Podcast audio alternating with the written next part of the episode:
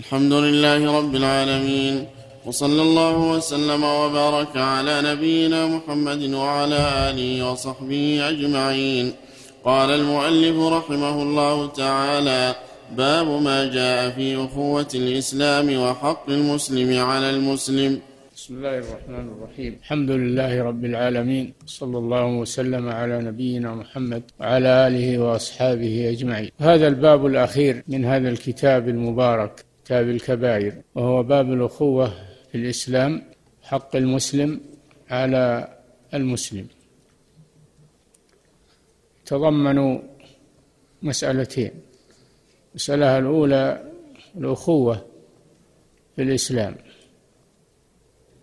المسألة الثانية حق المسلم على المسلم. ما الأخوة في الإسلام؟ فإن الله سبحانه وتعالى جعل المؤمنين إخوة أخوة لا في النسب وإنما بالإيمان. إنما أخوة بالإيمان. فالإيمان يجمع بين العرب والعجم ويجمع بين الغني والفقير والذكر والأنثى والحر والعبد دون نظر إلى الأنساب أو إلى المال أو إلى الجاه وإنما النظر إلى شيء واحد يتآخون فيه وهو الإيمان.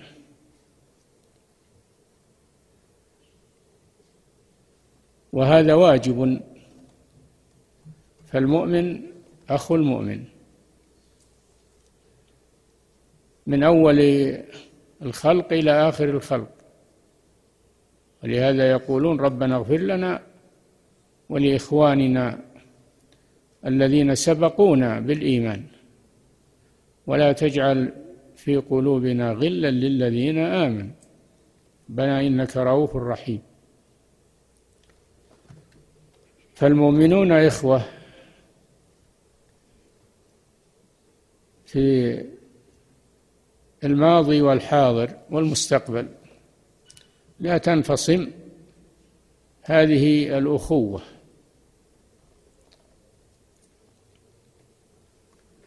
إلى أن تقوم الساعة. الله جل وعلا قال واذكروا نعمة الله عليكم إذ كنتم أعداء فألف بين قلوبكم فأصبحتم بنعمته إخوانا. فكانوا في الأول قبل الإسلام كانوا متعادين متقاطعين تناحرين متباغضين. فلما جاء الإسلام وحد بينهم بالإيمان. أصبحتم بنعمته إخوانا.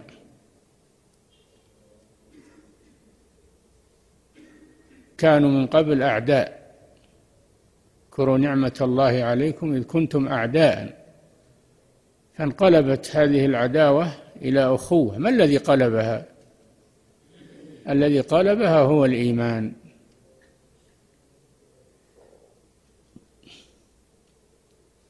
فهذه نعمة من الله سبحانه وتعالى. اذكروا نعمة الله عليكم. من عليهم بهذه النعمة؟ بأن ألف بين قلوبهم. ولا يؤلف بين القلوب إلا الله. لا أحد يستطيع أن يؤلف بين القلوب مهما فعل. إلا الله جل وعلا الذي خلقها.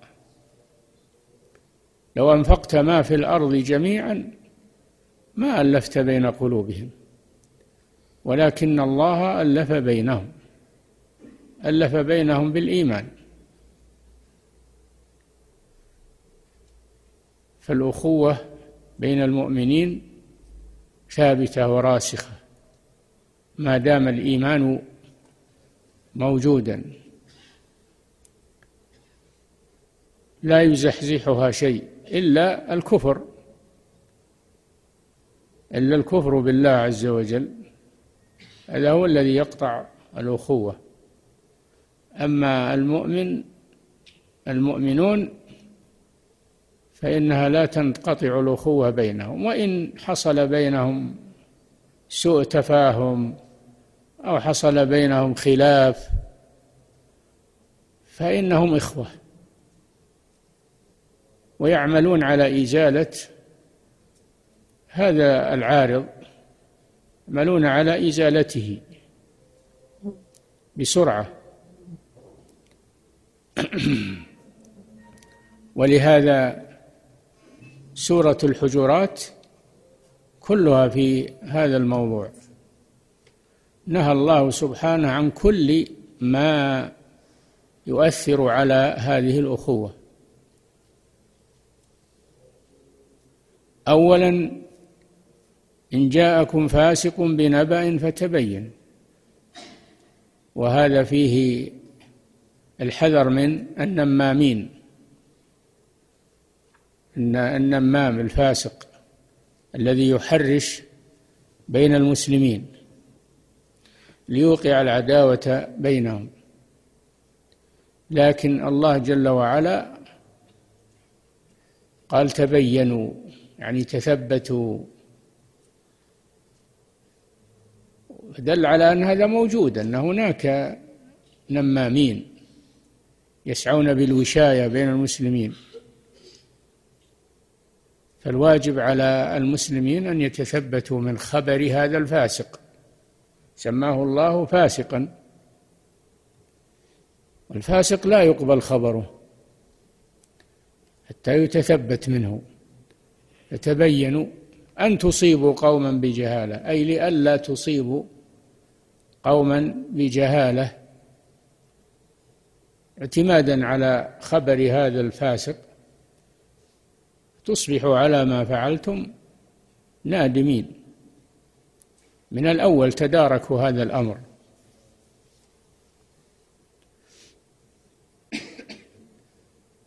ثم لو حصل بين المسلمين اختلاف وقتال حصل قتال.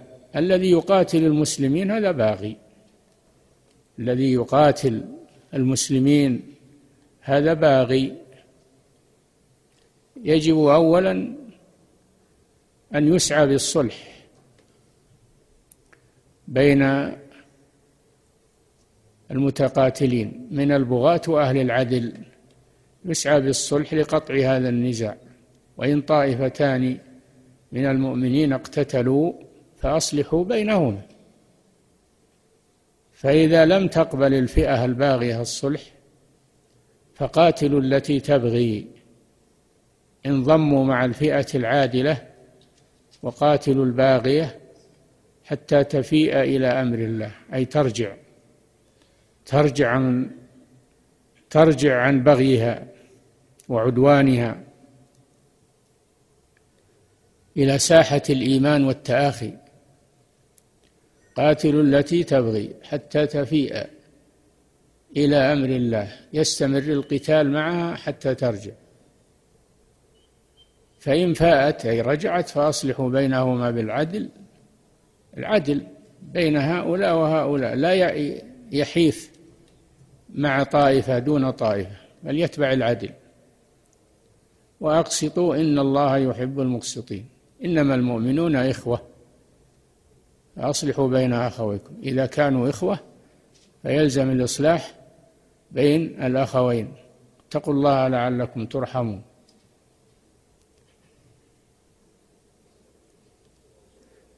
إنما المؤمنون إخوة فأصلحوا بين أخويكم.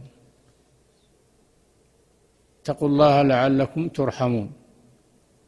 ثم نهى عن السخرية من أسباب الفرقة والعداوة أن تسخر بأخيك لأن هذا يوجب الفراق والعداوة شحن الأنفس بالبغضاء. لا يسخر قوم من قوم.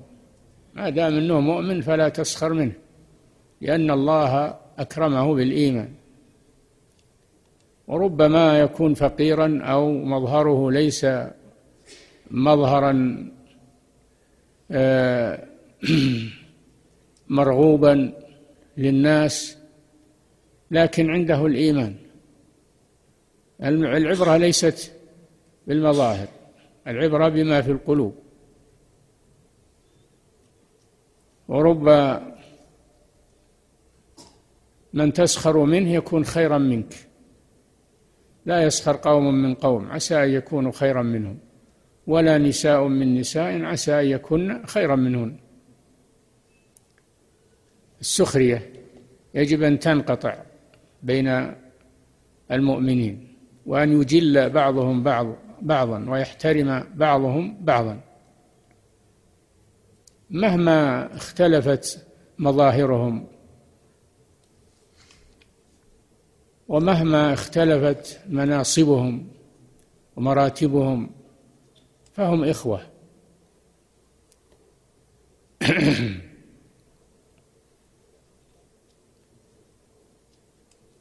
فالسخرية كبيرة من كبائر الذنوب. السخرية بأخيك المسلم أخيك المؤمن كبيرة من كبائر الذنوب.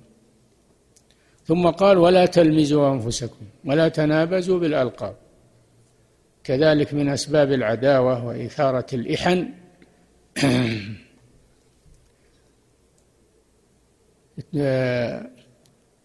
تنابز باللمز لمز المؤمنين. لمزهم بالتنقص. لمزهم بالتنقص. إنما هذه صفة المنافقين الذين يلمزون المتطوعين من المؤمنين. صفة المنافقين هم الذين يلمزون. حتى لمزوا النبي صلى الله عليه وسلم. ومنهم من يلمزك في الصدقات. فإن أعطوا منها رضوا وإن لم يعطوا منها إذا هم يسخطون. اللمز تنقص الناس. ويل لكل همزة لمزة. كثير اللمز للناس. تلمس عيوبهم. ما أحد كامل. الكمال لله سبحانه وتعالى. يوجد في المؤمن بعض العيوب وبعض النقائص لكن ما معه من الإيمان يستر ويضفي على هذه النقائص ولا تنابزوا بالألقاب المكروهة. اللقب هو ما أشعر بمدح أو ذم. إن كان اللقب يشعر بالمدح فهذا طيب. وإن كان اللقب يشعر بذم فتجنبه.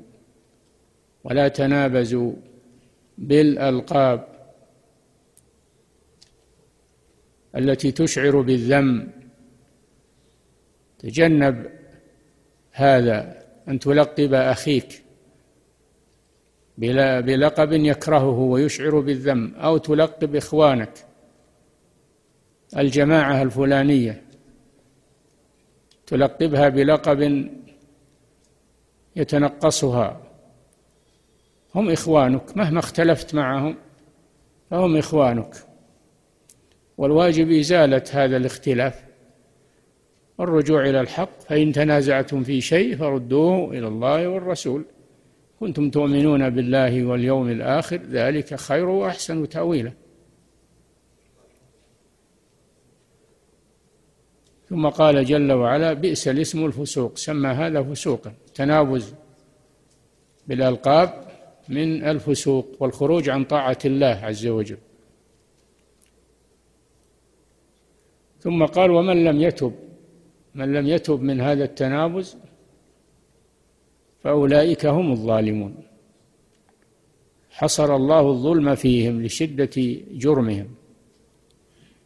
الذين لا يزالون ينبزون إخوانهم بالألقاب التي تشعر بالذم هم الظالمون الظالمون لإخوانهم لأن الظلم كما سبق منه نوع يكون بين الناس. يجب أن لا تظلم الناس. ثم نهى ثم أمر باجتناب كثير من الظن. الظن لا تسئ الظن بإخوانك. لا تض... قال صلى الله عليه وسلم الظن أكذب أكذب الحديث. الظن أكذب الحديث.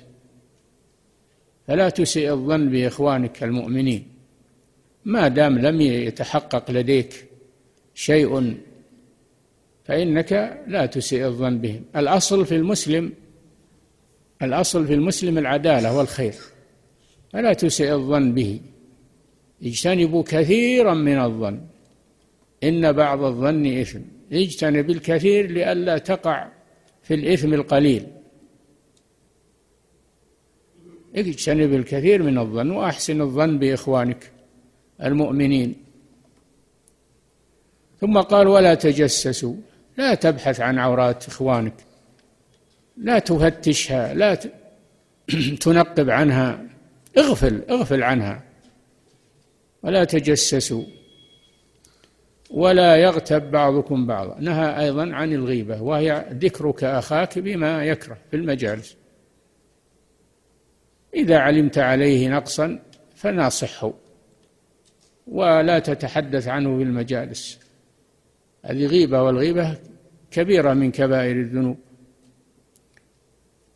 ولا يغتب بعضكم بعضا. أيحب أحدكم أن يأكل لحم أخيه ميتا؟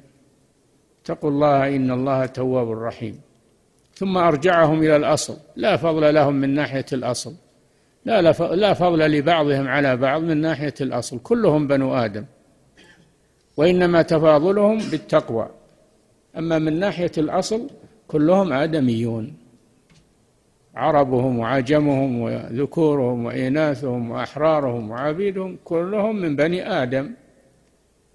لا فضل لعربي على عجمي إلا بالتقوى. يا أيها الناس إنا خلقناكم من ذكر وأنثى. وجعلناكم شعوبا وقبائل. الشعوب للعجم والقبائل للعرب. لأي شيء؟ للتفاخر؟ لا. جعلناكم شعوبا وقبائل لتعارفوا فقط. للتعارف. تعرف إنك من القبيلة الفلانية وأنك من بني فلان. كل واحد يعرف نسبه. هذا لا بأس به. تعلم الأنساب من أجل التعارف والتواصل هذا لا بأس به بل هو شيء طيب. أما أما معرفة الأنساب ودراسة الأنساب لأجل التفاخر فهذا لا يجوز هذا من أمور الجاهلية. لتعارفوا ثم قال إن أكرمكم عند الله أتقاكم. فليس الفضل في النسب إنما الفضل في التقوى.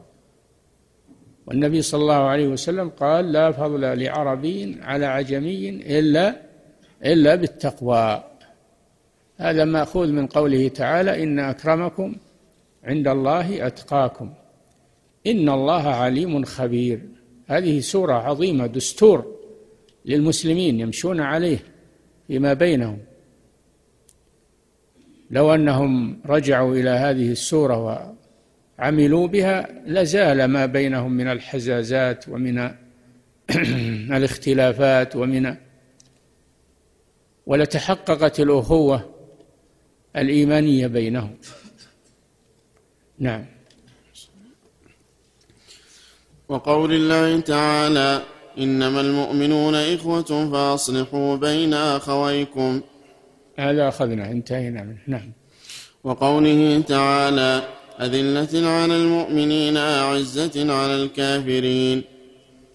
قال تعالى يا أيها الذين آمنوا من يرتد منكم عن دينه فسوف يأتي الله بقوم يحبهم ويحبونه. هذا كقوله تعالى وإن تتولوا يستبدل قوما غيركم ثم لا يكونوا أمثالكم. فسوف يأتي الله بقوم يحبهم. هذا فيه أن الله يحب سبحانه.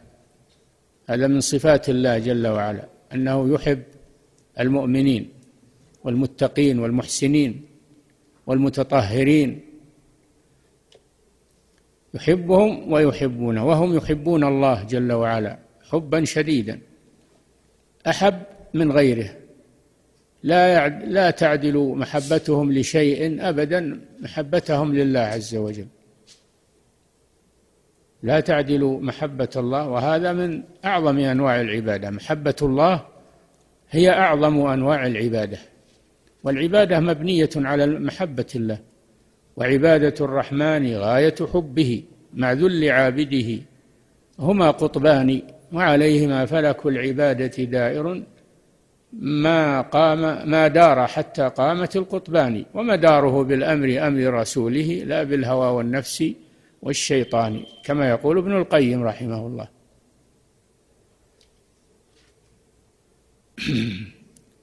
يحبهم ويحبونه من صفتهم وهذا محل الشاهد أنهم أذلة على المؤمنين. يذلون لإخوانهم ويتواضعون لهم ويكرمونهم هذا محل الشاهد من الآية. أذلة على المؤمنين أعزة أي أقوياء. الجانب أقوياء الجانب على الكافرين. هذا فيه الولاء والبراء الولاء للمؤمنين والبراء من الكافرين. نعم. وفي الصحيح لو كنت متخذا من أمتي خليلا لاتخذت أبا بكر خليلا ولكن أخوة الإسلام أفضل. في أيام في الأيام الأخيرة من حياة النبي صلى الله عليه وسلم قبل موته قال لو كنت متخذا من أهل الأرض خليلا اتخذت أبا بكر خليلا. والخليل هو الذي نال أعلى درجات المحبة. وأبو بكر هو أفضل الأمة وهو الذي ناصر النبي صلى الله عليه وسلم. من أول بعثته إلى أن توفاه الله. وبعد بعثته وبعد موته ناصر هذا الدين وقمع الردة ثبت الله به هذا الدين. مواقفه رضي الله عنه مواقف عظيمة. مواقف الجبال الرواسي. ولهذا أحبه النبي صلى الله عليه وسلم حبا شديدا.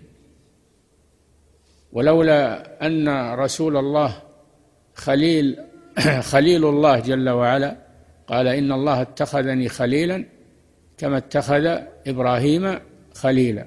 فمحمد صلى الله عليه وسلم خليل الله. والخلة لا تقبل الاشتراك. لا تقبل الاشتراك. فلذلك يجب تخليصها لله عز وجل. لذلك قال أخوة في الإسلام. فالرسول صلى الله عليه وسلم هو أخ لأبي بكر الصديق بالإيمان. هذه منقبة لأبي بكر رضي الله عنه منقبة عظيمة. نالها أبو بكر رضي الله عنه.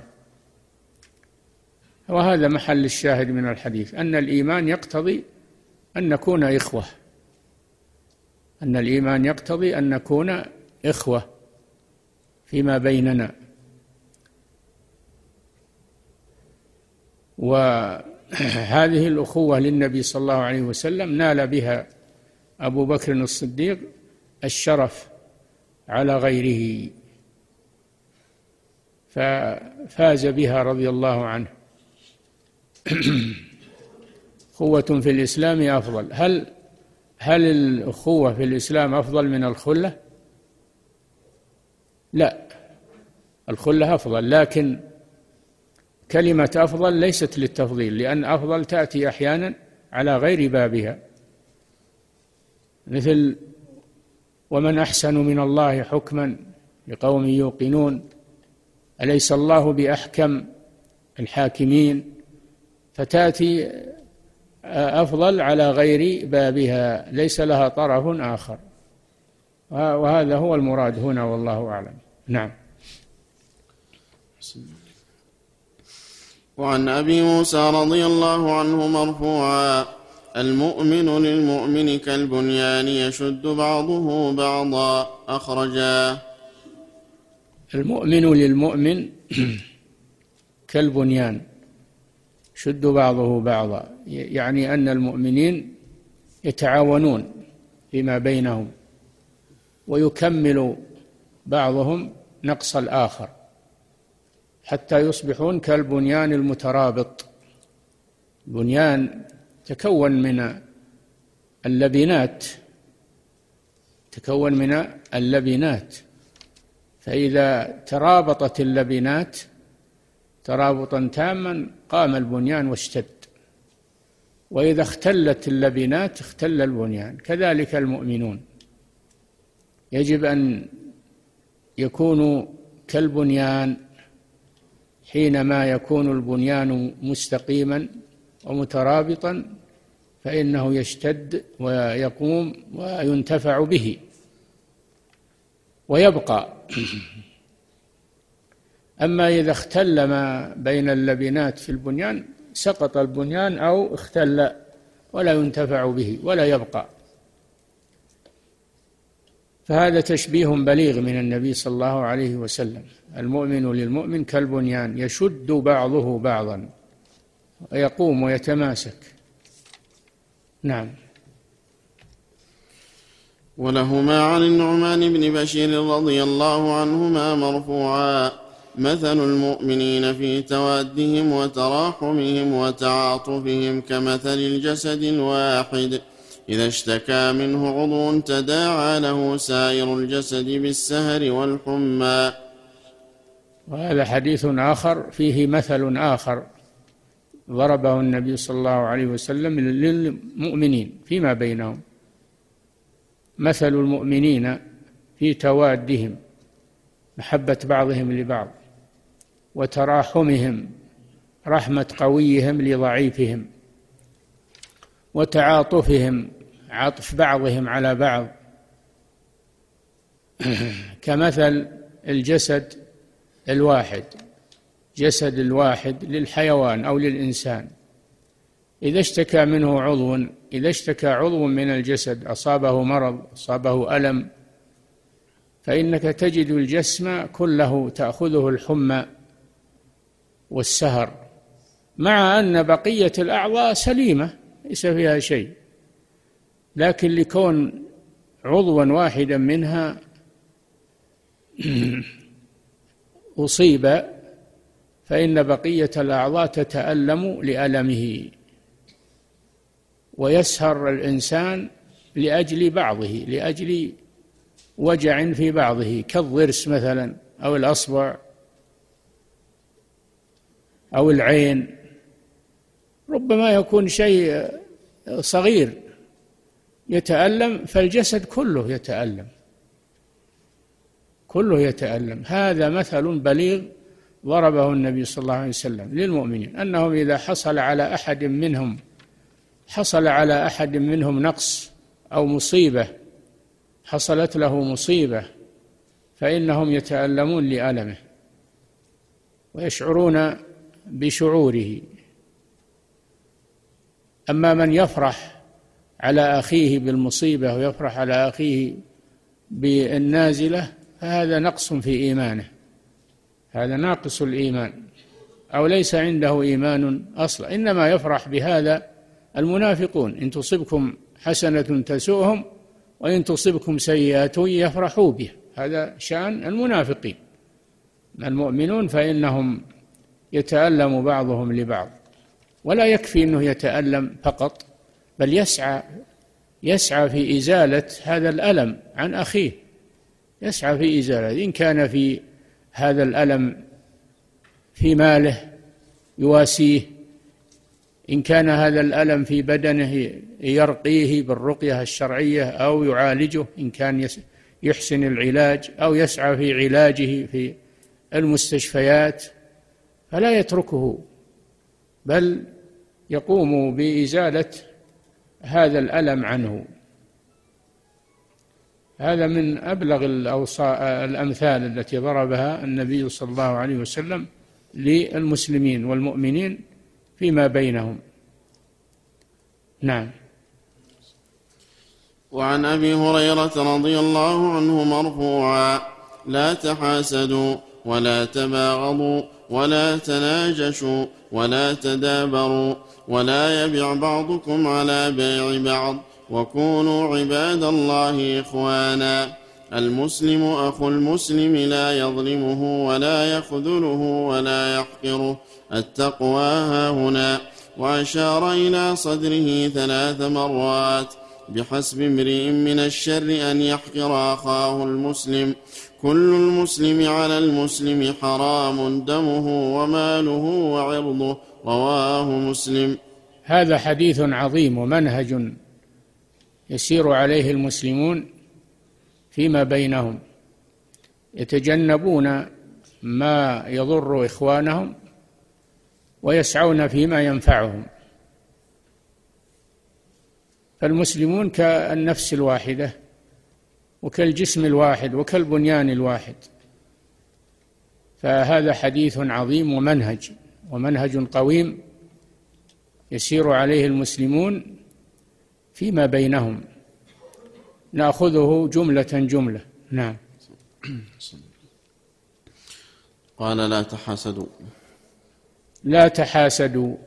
الحسد داء قديم. داء قديم. والحسد هو تول تمني زوال النعمة عن المنعم عليه. يتمنى زوال النعمة على أخيه التي أنعم الله بها عليه. أما لو تمنى مثلها هذا ليس بحسد مذموم. لو تمنى أن يكون مثل أخيه العالم يكون مثل أخيه العابد مثل أخيه المتصدق والمنفق هذه تسمى الغبطة هذا شيء طيب. فإذا تمنيت أن يكون لك مثل ما لأخيك لأجل أن تحسن لأجل أن تحسن به مثل ما أحسن. فهذا شيء طيب وأنت شريكه في الأجر لك مثل أجره يكون لك مثل أجره. قال صلى الله عليه وسلم فهما في الأجر سواء. إنما الحسد المذموم هو تمني زوال النعمة عن المحسود. سواء حصلت له أو لم تحصل. المهم انها تزول هذه النعمة عن أخيه. هذا هو الحسد المذموم. وأول ما وقع الحسد من إبليس لعنه الله حينما حسد أبانا آدم عليه السلام. وماذا جر عليه الحسد والعياذ بالله؟ جره إلى الكفر إلى أن كفر. فسق عن أمر ربه. أبى أن يمتثل أمر الله بالسجود لآدم. حمله الحسد على الكفر والخروج عن طاعة الله عز وجل وجر عليه غضب الله ولعنته وعقابه وأنه صار قوادا لكل لكل شر يدعو إلى النار ويدعو إلى الضلال ويدعو إلى الكفر ويدعو إلى الفجور. والفسق. هذه مهنته. كل هذا بسبب الحسد. الذي سبب له هذا هو الحسد. أما لو أنه سجد مثل الملائكة طاعة لله سبحانه وتعالى لما زالت عنه هذه النعمة وصار إلى هذا المصير المؤلم. كذلك ابن آدم أتلو عليهم نبأ ابني آدم. حسد أحدهما الآخر تقبل من أحدهما ولم يتقبل من الآخر. قال لا أقتلنك. هدد حدده بالقتل حسدا منه. ثم آل به الأمر إلى أن نفذ وقتل أخاه. وصار ما صار. وأخبر صلى الله عليه وسلم أنها ما قتلت نفس ظلما إلا كان على ابن آدم الأول كفل من دمها.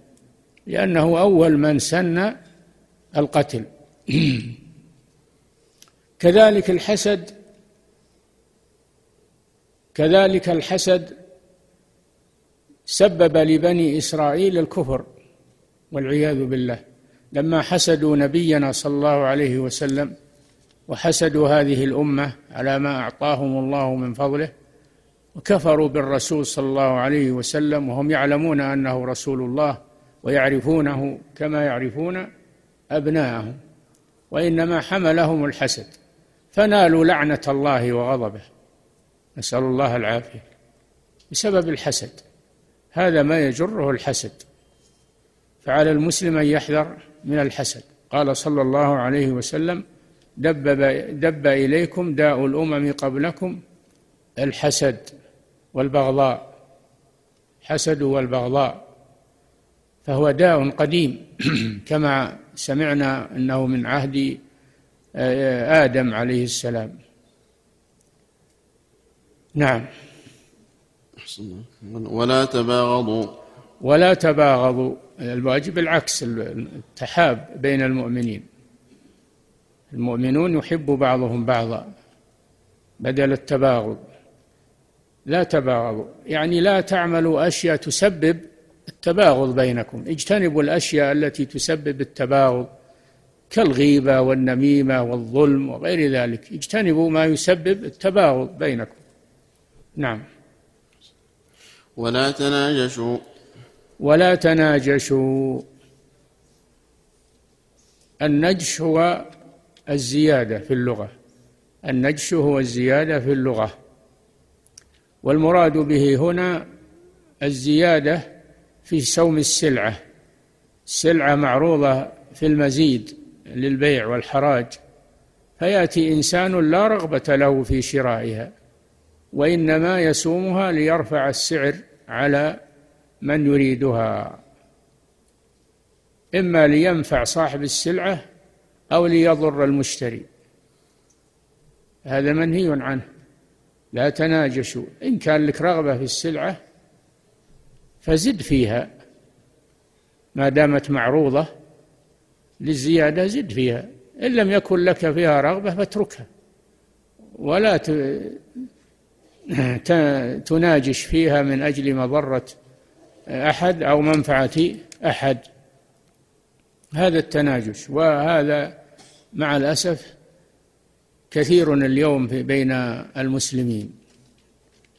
ربما إذا جلب الجالب السلعة اشتركوا اشتركوا فيها وقالوا لأحدهم تسومها أنت ونحن نسكت ولا نزيد فيها من أجل أن يبيعها برخص يتآمرون عليه ولا يزيدون في السلعة حتى يضطر إلى بيعها بأرخص سعر ثم يشتركون يشتركون فيها.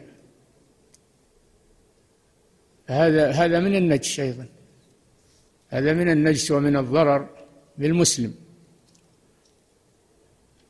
ويمنعون الناس إنهم يزيدون فيها. يقول له لا تزيد ونحن نعطيك منها. بس لا تزيد ترفعها علينا. نعم. ولا تدابروا. ولا تدابروا. التدابر هو الإعراض. لا يعرض بعضكم عن بعض. عند اللقاء. عند السلام وعند بل يقبل بعضكم على بعض بالبشاشة والسرور والاطمئنان فإن هذا مما يريح القلوب ويزيل الشحنة منها. حينما تسلم على أخيك وتقبل عليه يزول ما في نفسه. حينما تعرض عنه فإنه آه، فإنه يتأثر ويكون في نفسه شيء. نعم. ولا يبع بعضكم على بيع بعض. ولا يبع بعضكم على بيع بعض. هذا من نفي الضرر عن المسلمين. إذا إنسان باع سلعة بثمن باع سلعة بثمن وشرط له الخيار. مدة يوم يومين شرط الخيار. وجاء واحد وقال له افسخ البيع وأنا أخذها منك بأزود مما شراها منك. هذا بيع على بيع لا يجوز. هو باع لكن شرط الخيار ليتروى في هذا البيع هل يمضيها أو لا؟ هذا البيع. فلا يأتيه أحد يقول له افسخ خذ بالخيار وافسخ وأنا أشتريها منك بأكثر من هذا. هذه ناحية لا يشتري على شراء أخيه. أما لا يبع على بيع أخيه العكس. يبيع سلعة بثمن ويجعل مدة للخيار ثم يذهب إلى المشتري. يذهب هذا المفسد إلى المشتري ويقول له افسخ البيع وأنا أنا أبيع عليك سلعة أرخص منها. أبيع عليك سلعة أحسن منها وأرخص منها. افسخ البيع مع فلان. هذا هو البيع على البيع. نعم. فلا يجوز لا الشراء على شراء أخيه ولا البيع على على بيع أخيه. حتى السوم جاء في الرواية ولا يسم على سومه إذا انتهى المزاد وأراد أن يبيعها لا تقول له اصبر اصبر أنا عندي زود. ما دام إنه أنهى المزاد وأراد أن يبيعها اتركه. ولا تقول عندي زيادة سوم نعم. وكونوا عباد الله إخوانا. كونوا عباد الله إخوانا كما أمر الله بذلك. إنما المؤمنون إنما المؤمنون إخوة. نعم. المسلم أخو المسلم. دل على دل على أن هذه الأمور تنافي الأخوة. آه تنافي الأخوة. التحاسد آه التدابر التباغض البيع على بيع الآخر التناجش كل هذه تنافي الأخوة أو تنقصها. نعم. المسلم أخو المسلم لا يظلمه ولا يخذل يخذله ولا يحقره. المسلم أخو المسلم. هذا هو الواجب الأخوة في الإسلام. وما دام أنه أخوه لا يحقره لا يحقر أخاه ويستصغره ويقلل من شانه. لأنه عند الله عظيم. فلا تحتقر من هو عند الله عظيم وعند الله له قدر ومكانة. لا تحتقره ولا يخذله. إذا حصل عليه ظلم من أحد فلا تترك الظالم بل انصر أخاك المظلوم. انصر أخاك المظلوم. دافع عنه. بالقول أو بالفعل. وأيضا انصر الظالم بمنعه من الظلم. انصر أخاك ظالما أو مظلوما. فلا تخذل أخاك تتركه يظلم وعندك القدرة على نصرته. بل دافع عنه وادفع الظلم عنه مهما أمكن. نعم. لا يظلمه يا شيخ. ولا يظلمه هو يعني أول شيء يدفع الظلم عنه. لا يخذله يعني لا يتركه يظلم. ولا يظلمه هو. فلا يتركه يظلمه أحد غيره ولا يظلمه هو. هذا من باب أولى. نعم. التقوى ها هنا. تقوى ها هنا. ما مناسبة قول الرسول صلى الله عليه وسلم التقوى ها هنا بعد أنه لا يخذل أخاه المسلم ولا يحقره ولا ما المناسبة؟ المناسبة أنك ربما تحقر أخاك وهو تقي في قلبه في قلبه تقوى لله عز وجل وهو أحسن منك. فليس العبرة بالمظهر أنك تحتقره لمظهره أو لسمعته عند الناس أو ما أشبه ذلك. العبرة بما في القلوب لا بالمظاهر. فربما تحتقر من هو تقي القلب فيما بينه وبين الله سبحانه وتعالى. وكررها ثلاث مرات. أن العبرة بما في القلوب لا العبرة بالمظاهر. إن الله لا ينظر إلى صوركم وأموالكم وإنما ينظر إلى قلوبكم وأعمالكم. فالقلب هو محل النظر من الله سبحانه وتعالى. وأما المظاهر فلا قيمة لها. قال تعالى وإن وإذا رأيتهم يعني المنافقين إذا رأيتهم تعجبك أجسامهم. جميل المظهر. وإذا رأيتهم تعجبك أجسامهم. وإن يقولوا تسمع لقولهم عندهم فصاحة تزوير للكلام يجذب السامع. يجذب السامع. لكنهم في الدرك الأسفل من النار. لماذا؟ لفساد قلوبهم لفساد قلوبهم. النبي صلى الله عليه وسلم يقول التقوى ها هنا التقوى في القلب. لكن يغلط بعض المغالطين إذا نهي عن معصية عن حلق لحية أو عن مظهر سيء أو عن معصية يقول ما يضر هذا التقوى ها هنا. ويفسر كلام الرسول صلى الله عليه وسلم بغير معناه. إن إن المعاصي لا تضر. وأن المدار على القلب. نعم المدار على القلب لكن المعاصي تدل على أن القلب فيه فساد. المعاصي تدل على أن القلب فيه فساد وقلة تقوى لله سبحانه وتعالى. لو كان القلب تقيا لتجنبت هذه المعاصي. هو يحرف كلام الرسول صلى الله عليه وسلم ويستدل به في غير في غير مدلولة. نعم. وأشار إلى صدره ثلاث مرات. من باب التأكيد. أشار إلى صدره من باب التأكيد ثلاث مرات أن العبرة ليست بالمظاهر وإنما العبرة بما في القلوب. نعم. وأنه إذا كان القلب تقيا ظهرت آثار التقوى على الأفعال والأقوال. وإذا كان القلب فاسدا ظهرت آثار فساد القلب على الأقوال والأفعال. نعم. بحسب امرئ من الشر أن يحقر أخاه المسلم. بحسب امرئ من الشر يعني يكفي المسلم من الشر أن يحقر أخاه المسلم. هذا رجوع إلى قوله لا يحقره. فإذا حقر حقره فإن هذا دليل على الشر وعلى على كثرة الشر عنده. بحسبه يعني يكفيه من الشر أنه يحقر أخاه المسلم. إذا احتقار المسلم شر. نعم. كل المسلم على المسلم حرام دمه وماله وعرضه. وهذا صرح به النبي صلى الله عليه وسلم في عدة مناسبات ومنها في خطبته في حجة الوداع. لما خطب في عرفة وخطب في منى يوم النحر ويوم آه، النفر خطب صلى الله عليه وسلم في حجة الوداع ثلاث خطب. كلها يقول فيها إن دماءكم وأموالكم وأعراضكم عليكم حرام كحرمة يومكم هذا في بلدكم هذا في شهركم هذا ألا هل بلغت؟ دماءكم فلا يجوز الاعتداء على المسلم بالقتل وسفك دمه لا يحل دم امرئ مسلم إلا بإحدى ثلاث النفس بالنفس والثيب الزاني وتارك لدينه مفارق للجماعة. وما عدا ذلك ومن يقتل مؤمنا متعمدا فجزاؤه جهنم خالدا فيها.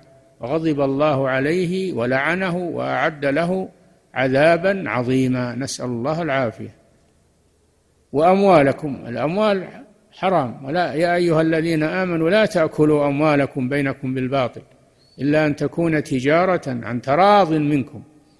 ولا تأكلوا أموالكم بينكم بالباطل وتدلوا بها إلى الحكام لتأكلوا فريقا من أموال الناس بالإثم وأنتم تعلمون. لا يحل قال صلى الله عليه وسلم لا يحل مال امرئ مسلم إلا بطيبة من نفسه. هذه الأموال.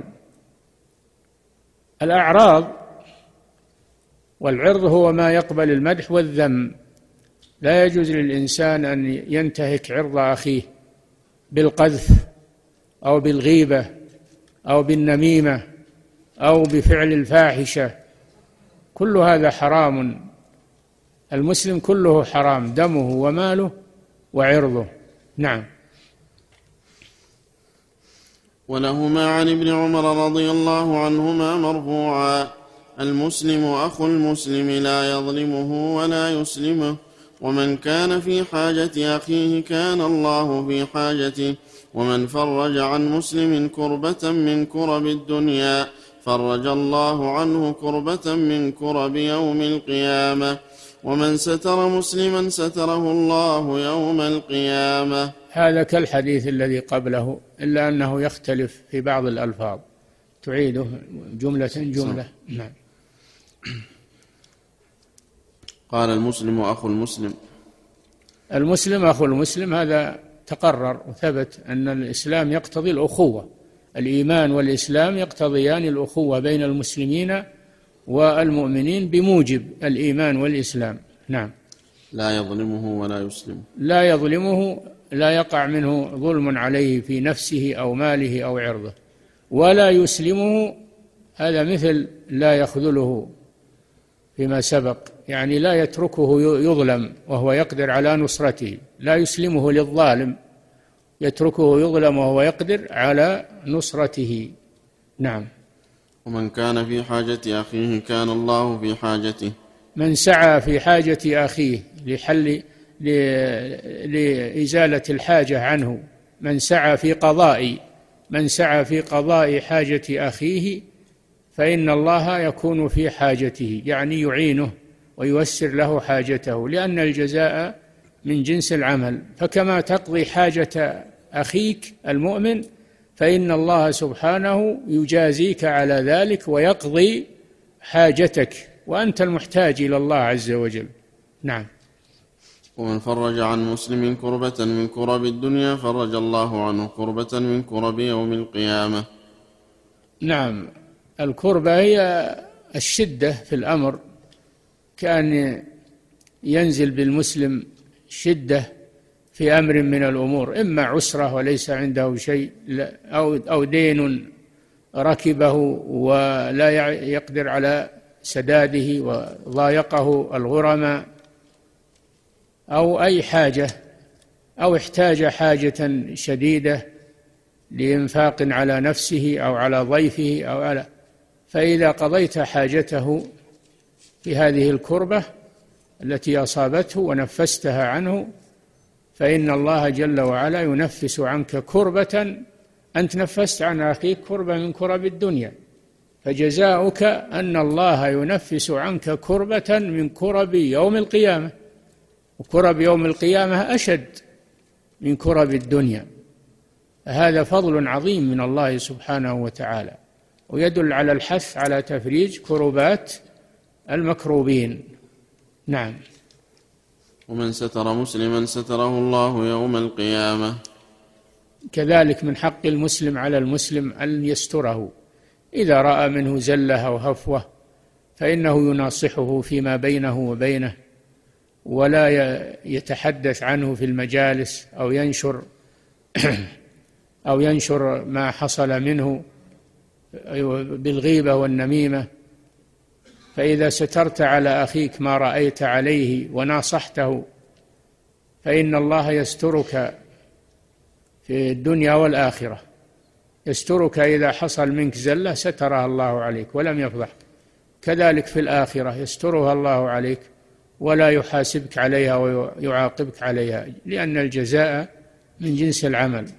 فهذا فيه الترغيب في الستر على المسلمين مهما أمكن الستر. فإنه يستر على المسلم. وما من أحد يسلم من الزلات والأخطاء. فعليك بالمعالجة الأمر بدون الفضيحة وبدون الإشهار. نعم. ولهما عن أنس رضي الله عنه مرفوعا لا يؤمن أحدكم حتى يحب لأخيه ما يحب لنفسه. لا يؤمن أحدكم حتى يحب لأخيه ما يحب لنفسه. هذه قاعدة عظيمة. اجعل اجعل أخاك بمنزلة نفسك. فما تحبه لنفسك تحبه لأخيك. وما تكرهه لنفسك تكرهه لأخيك. اجعل نفسك هي الميزان. اجعل نفسك هي الميزان. فما لا ترضاه لنفسك لا ترضه لأخيك. وما رضيته لنفسك فأرضه لأخيك من الفرح والسرور و وغير ذلك من المرغوبات. نعم. وللبخاري عنه مرفوعا انصر أخاك ظالما أو مظلوما. فقال رجل يا رسول الله إن كان ظالما كيف أنصره؟ قال تحجزه وتمنعه من الظلم فذلك نصرك إياه. انصر أخاك ظالما أو مظلوما.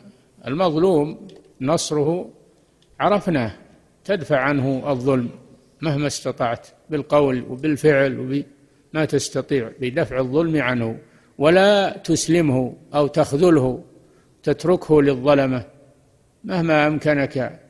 ومن الظلم الذي يقع على أخيك إذا سمعت أحدا يغتابه في مجلس أو يتكلم فيه في مجلس فمن نصرته أنك تدافع عنه وتنكر على هذا المغتاب. هذا من نصرة أخيك. ومن كف عن عرض مسلم كف الله عنه النار يوم القيامة كف الله عن وجهه النار يوم القيامة. أما نصرة المظلوم هذه مشكلة. كيف تنصر المظلوم؟ يعني تساعد المظلوم على ظلمه؟ لا. بين النبي صلى الله عليه وسلم أن نصرته أن تمنعه من الظلم. منعه من الظلم هذا هو نصره. نعم. فإذا رأيت أحدا يظلم الناس أو رأيت أحدا يغتاب الناس أو يشي بهم فإنك لا تتركه على ظلمه بل أو رأيت أحدا يضرب أحدا ظلما فإن من نصرة أخيك من نصرة هذا الظالم لأن الظالم أخ لك. الظالم لا يخرجه ظلمه عن الأخوة وعن الإسلام هو أخ لك. فتمنعه من الظلم. قال انصر أخاك ظالما أو مظلوما. فدل على أن الظالم أخ لك. فإنك يجب عليك أن تمنعه من الظلم. هذا نصره. أما إذا ساعدته على الظلم فقد خذلته. نعم. صلى الله عليه قال رحمه الله تعالى والله تعالى أعلم. انتهى الكتاب والحمد لله ونسأل الله أن يغفر للمؤلف الشيخ ويجزيه عن الإسلام والمسلمين خير الجزاء. وبنهايته تنتهي الدروس في هذا العام. فنسأل الله لنا ولكم التوفيق للعلم النافع والعمل الصالح. وصلى الله وسلم على نبينا محمد وعلى آله وأصحابه أجمعين. نعم. أحسن الله إليكم. معالي الشيخ وبارك فيكم ونفع بعلمكم. نعم.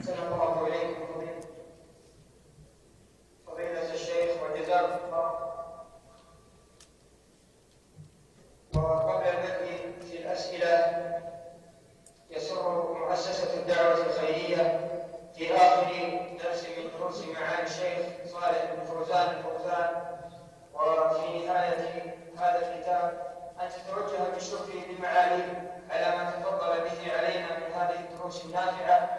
نسأل الله عز وجل أن يجعلها في موازين حسناته وأن يجزي له الأجر والمثوبة وأن يجعل فيتبع احسنه وان فعل بما علمنا إنه سميع مجيب. ونستاذن معالي الشيخ في انتقاله إلى المناطق لطرح الأسئلة.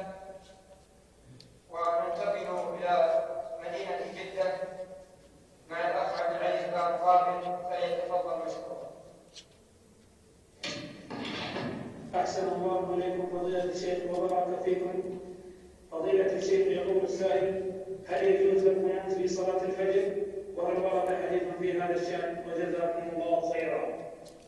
جمهور أهل العلم على أنه لا يجوز القنوت في صلاة الفجر إلا في النوازل التي تنزل بالمسلمين كتسلط العدو وما أشبه ذلك أو ينزل بهم وباء غير الطاعون فيقنتون في صلاة الفجر ويدعون الله عز وجل أن يزيل عنهم هذه النازلة. أما في غير النوازل فجماهير أهل العلم على أنه لا يشرع القنوت في صلاة الفجر. نعم. السلام إليكم فضيلة الشيخ. فضيلة الشيخ هل يجوز فعل الخيرات بمال حرام مثل بناء المساجد والمستشفيات وجزاكم الله خيرا؟ المال الحرام إذا تاب منه صاحبه إذا تاب منه صاحبه.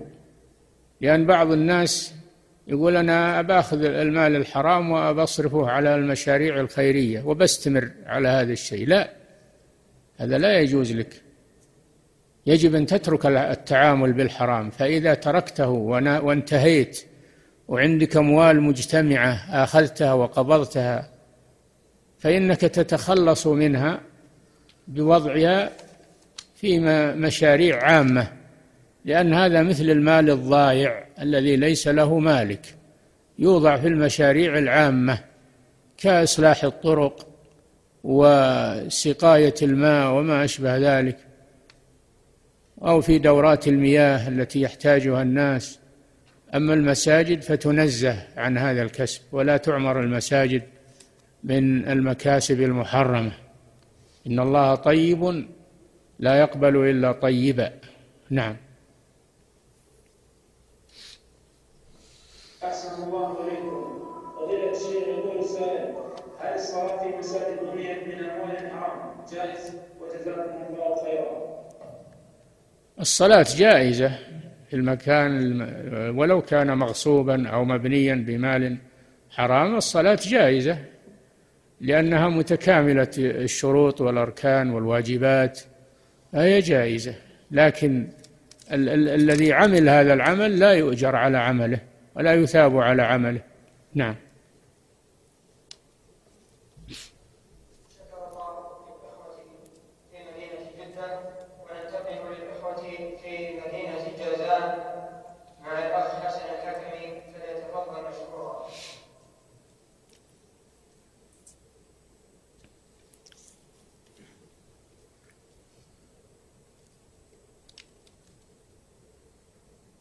فليتفضل الإخوة من مدينة جازان.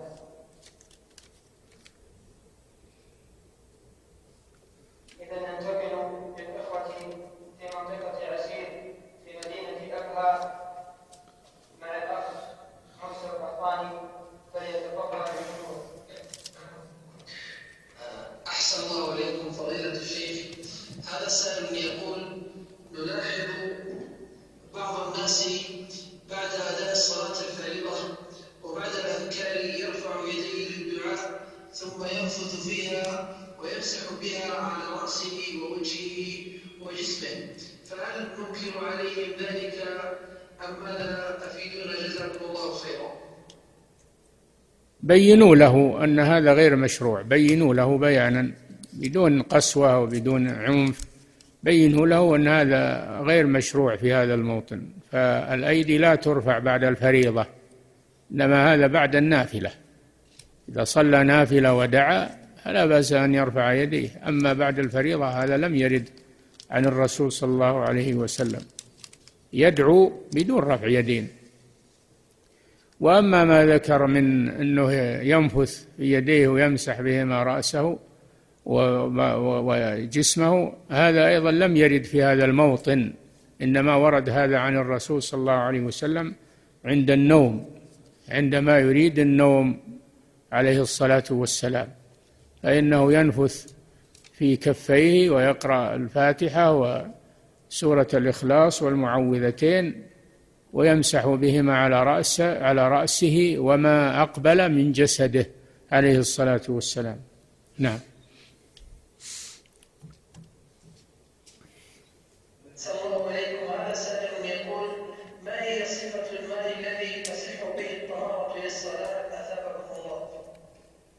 الماء الطهور. وأنزل من السماء ماء ليطهركم به. وأنزلنا من السماء ماء طهورا. فالماء الطهور هو الذي يستعمل في الطهارة من الحدث ويغسل تغسل به النجاسة. والماء الطهور هو الماء الباقي على خلقته الذي لم يتغير بنجاسة لا يتغير لونه بنجاسة أو طعمه بنجاسة أو ريحه بنجاسة. فإن تغير بنجاسة أحد أوصافه فإنه نجس فلا يجوز استعماله.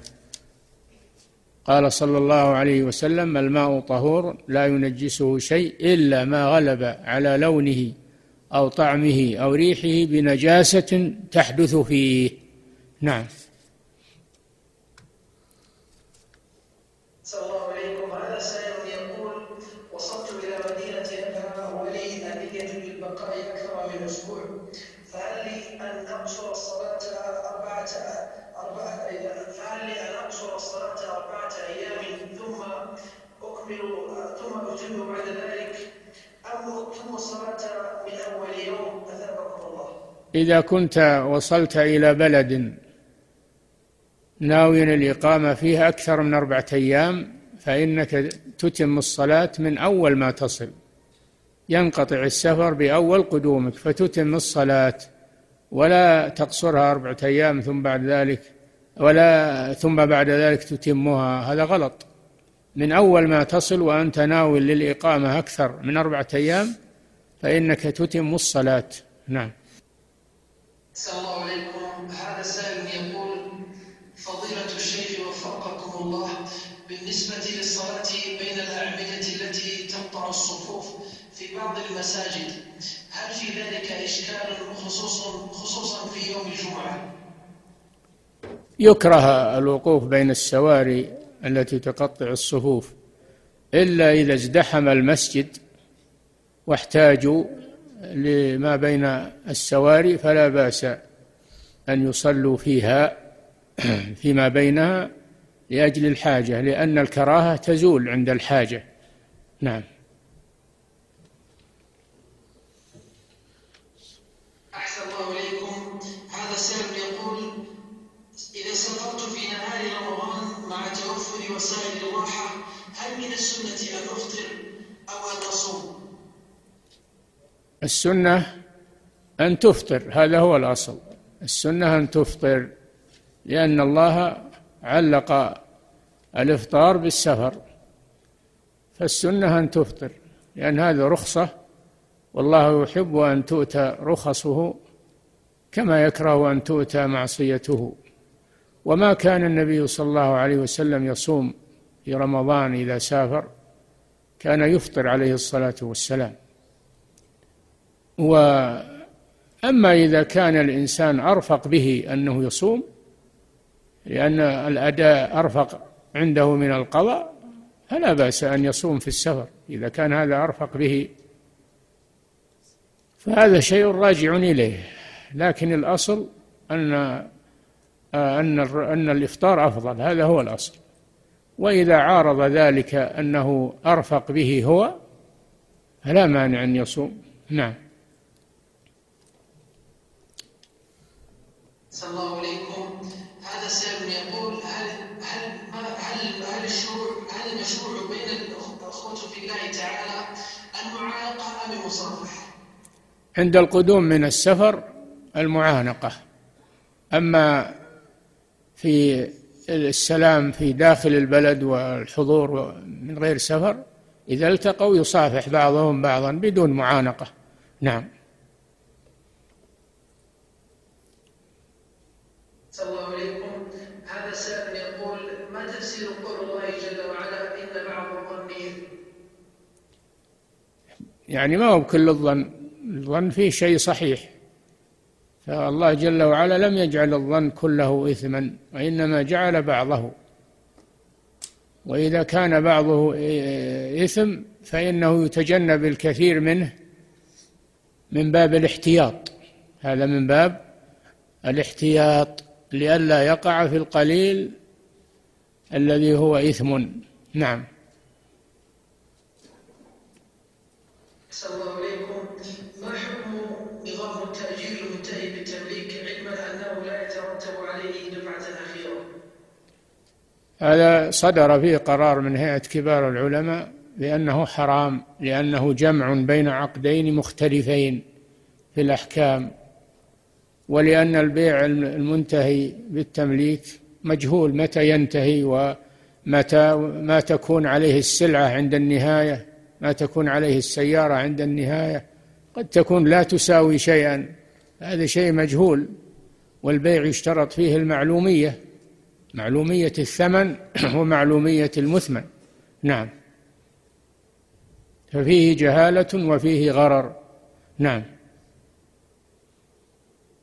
أحسن الله إليكم ما حكم الصلاة في الملابس التي فيها صور ذوات أرواح لا يجوز لبس ما فيه صور لذوات الأرواح. حمل الصور حرام ولا يجوز. هذا استعمال للصور استعمال للصور وحمل لها والمأمور به تلاف الصور وإهانتها. فإذا لبسها فقد أكرمها ورفعها. نعم أحسن الله إليكم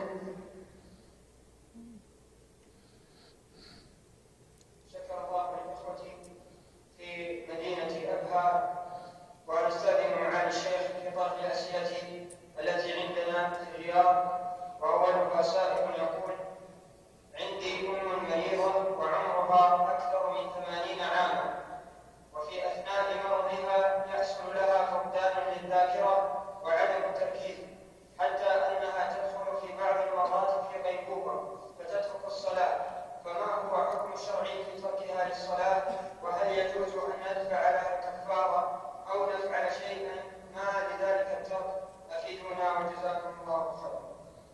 ترك الصلاة ليس له كفارة لكن إن كانت ذهولها وغيب وغيبوبتها قليلة دون ثلاثة أيام فإنها تقضي إذا صحت.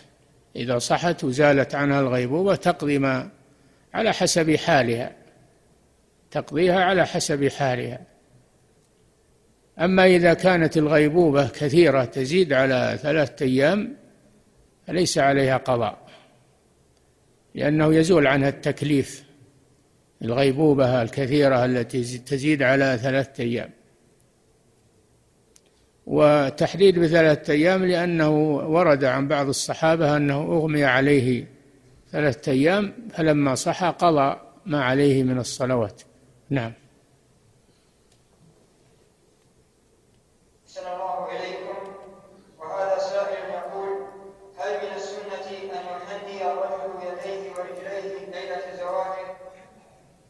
هذا حسب العادات. إذا كان من عادة البلد أو المنطقة هذا الشيء فهذا من المباحات لا بأس به. أو كان هذا التخضيب للعلاج في طب فهو يستعمله لأجل العلاج فلا بأس أيضا بذلك. نعم الله إليكم وهذا سائل يقول ما حكم ترتيب القراءة كما يقرأ على العلماء في الدروس لا بأس بذلك. نعم. هذا الشيخ معلش نعم. كان مسكر عنهم الله من هم؟ يقول الفتوى ما سمعوه مسكر أقول لا بأس بذلك أنه يقرأ على الصفة التي يرتاح لها. إما بالسرعة وإما ب وإما بالتأني. هذا راجع للقارئ ونشاطه. وحاجة الحاضرين. نعم.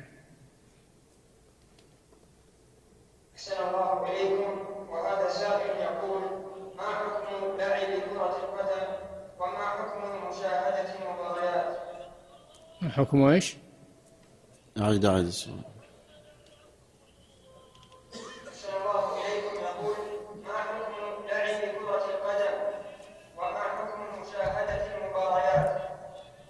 لعب الكرة والرياضة الأصل لا بأس بها إذا فيها تقوية للبدن فيها تقوية للبدن كالركض المسابقة على الأقدام أو لعب الكرة إذا كان فيها تقوية للبدن ومنفعة للبدن. لكن لا تشغل عن الصلاة لا يكون فيها كشف عورات.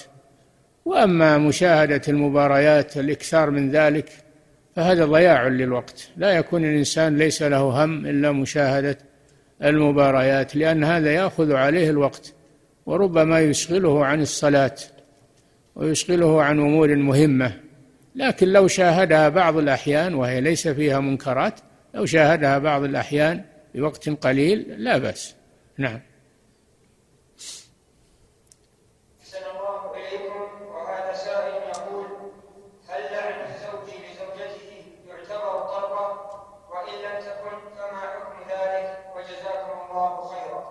هذا على حسب نيته. إذا نوى باللعنة الطلقة تكون طلقة حسب نيته. أما إذا لم ينوي ذلك فهذا إثم ولا يجوز وعليه أن يستغفر ويطلب منها المسامحة. نعم.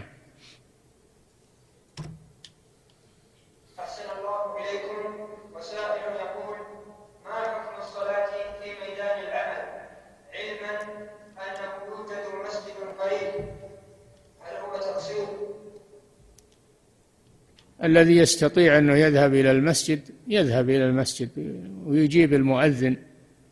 وأما إذا كان هناك مانع من الذهاب إلى المسجد كأن يتشتت الناس بعضهم لا يصلي والصلاة في مكان العمل أحزم وأضبط للمصلين. أو كان الذهاب إلى المسجد يفوت آه، عملا مطلوبا فلا بأس أن يصلوا في مكانهم. نعم.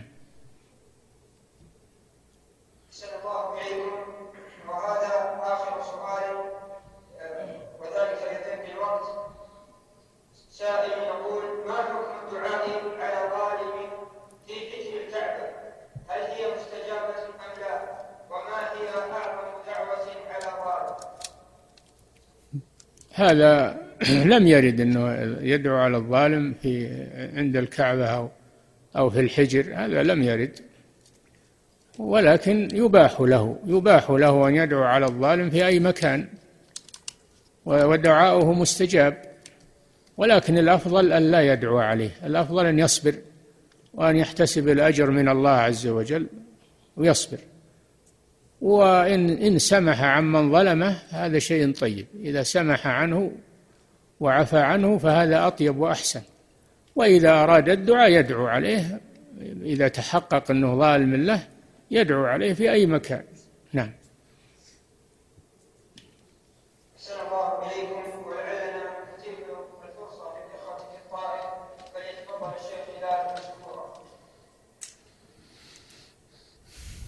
أحسن الله إليكم معالي الشيخ وبارك فيكم ونفع بعلمكم ونستأذن معاليكم في التنويه إلى أن درس معالي الشيخ سعد الشثري. سيكون بعد صلاة العشاء إن شاء الله. وأما أسئلة الحضور فهذا سائل يقول أحسن الله إليكم من المعلوم أن كفر إبليس هو كفر إباء واستكبار. فلو ترك المسلم واجبا من واجبات الشرع عن إباء واستكبار هل يكون كافرا وهل يعد هذا من التكفير بترك الأعمال؟ نرجو التوضيح.